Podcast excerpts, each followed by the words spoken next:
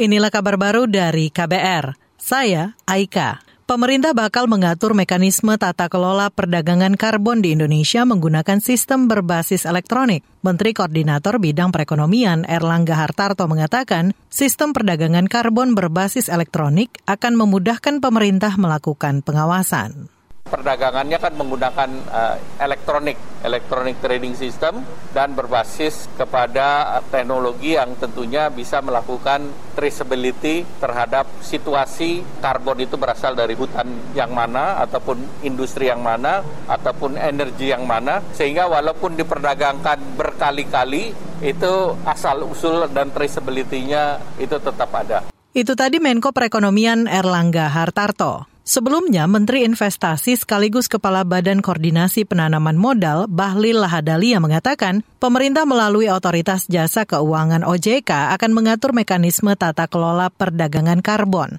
Bahlil menjelaskan, karbon di Indonesia tidak boleh dijual di pasar karbon lain di luar negeri. Pemerintah tidak ingin potensi penangkapan karbon di Indonesia yang sangat besar justru dikapitalisasi negara lain. Saudara, potensi perdagangan karbon di Indonesia mencapai lebih dari 4,6 kuadriliun rupiah per tahun. Kita beralih ke informasi lainnya.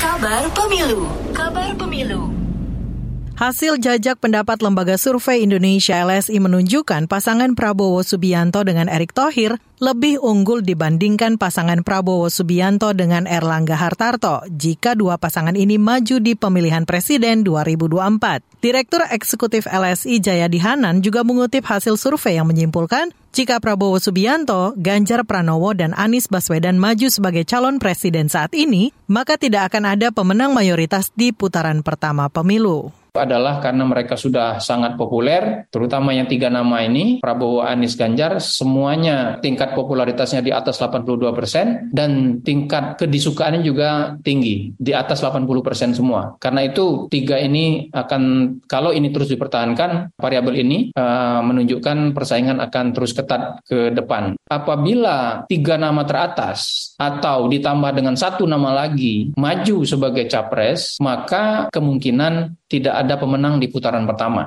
Direktur Eksekutif LSI Jayadi Hanan menambahkan pada simulasi survei untuk 34 nama secara semi terbuka, calon Presiden Prabowo Subianto unggul dengan 26 persen, disusul Ganjar Pranowo 24 persen dan Anies Baswedan 19 persen. Untuk nama calon Wakil Presiden Ridwan Kamil paling unggul dengan 19 persen, disusul Sandiaga Uno 14 persen, dan di urutan ketiga Agus Harimurti Yudhoyono dengan 11 persen.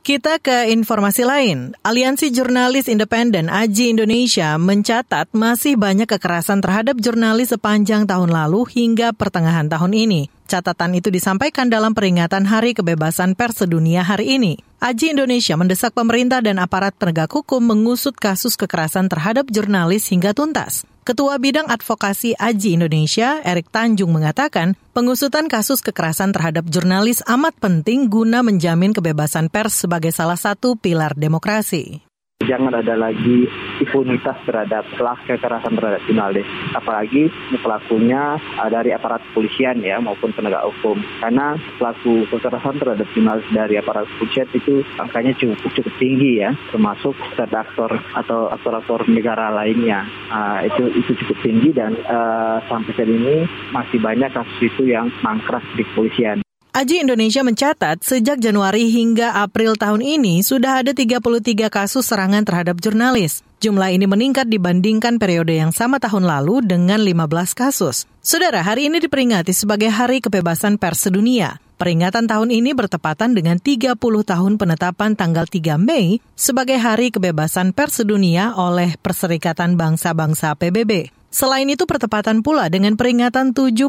tahun Deklarasi Universal Hak Asasi Manusia. Demikian kabar baru dari KBR. Saya Aika.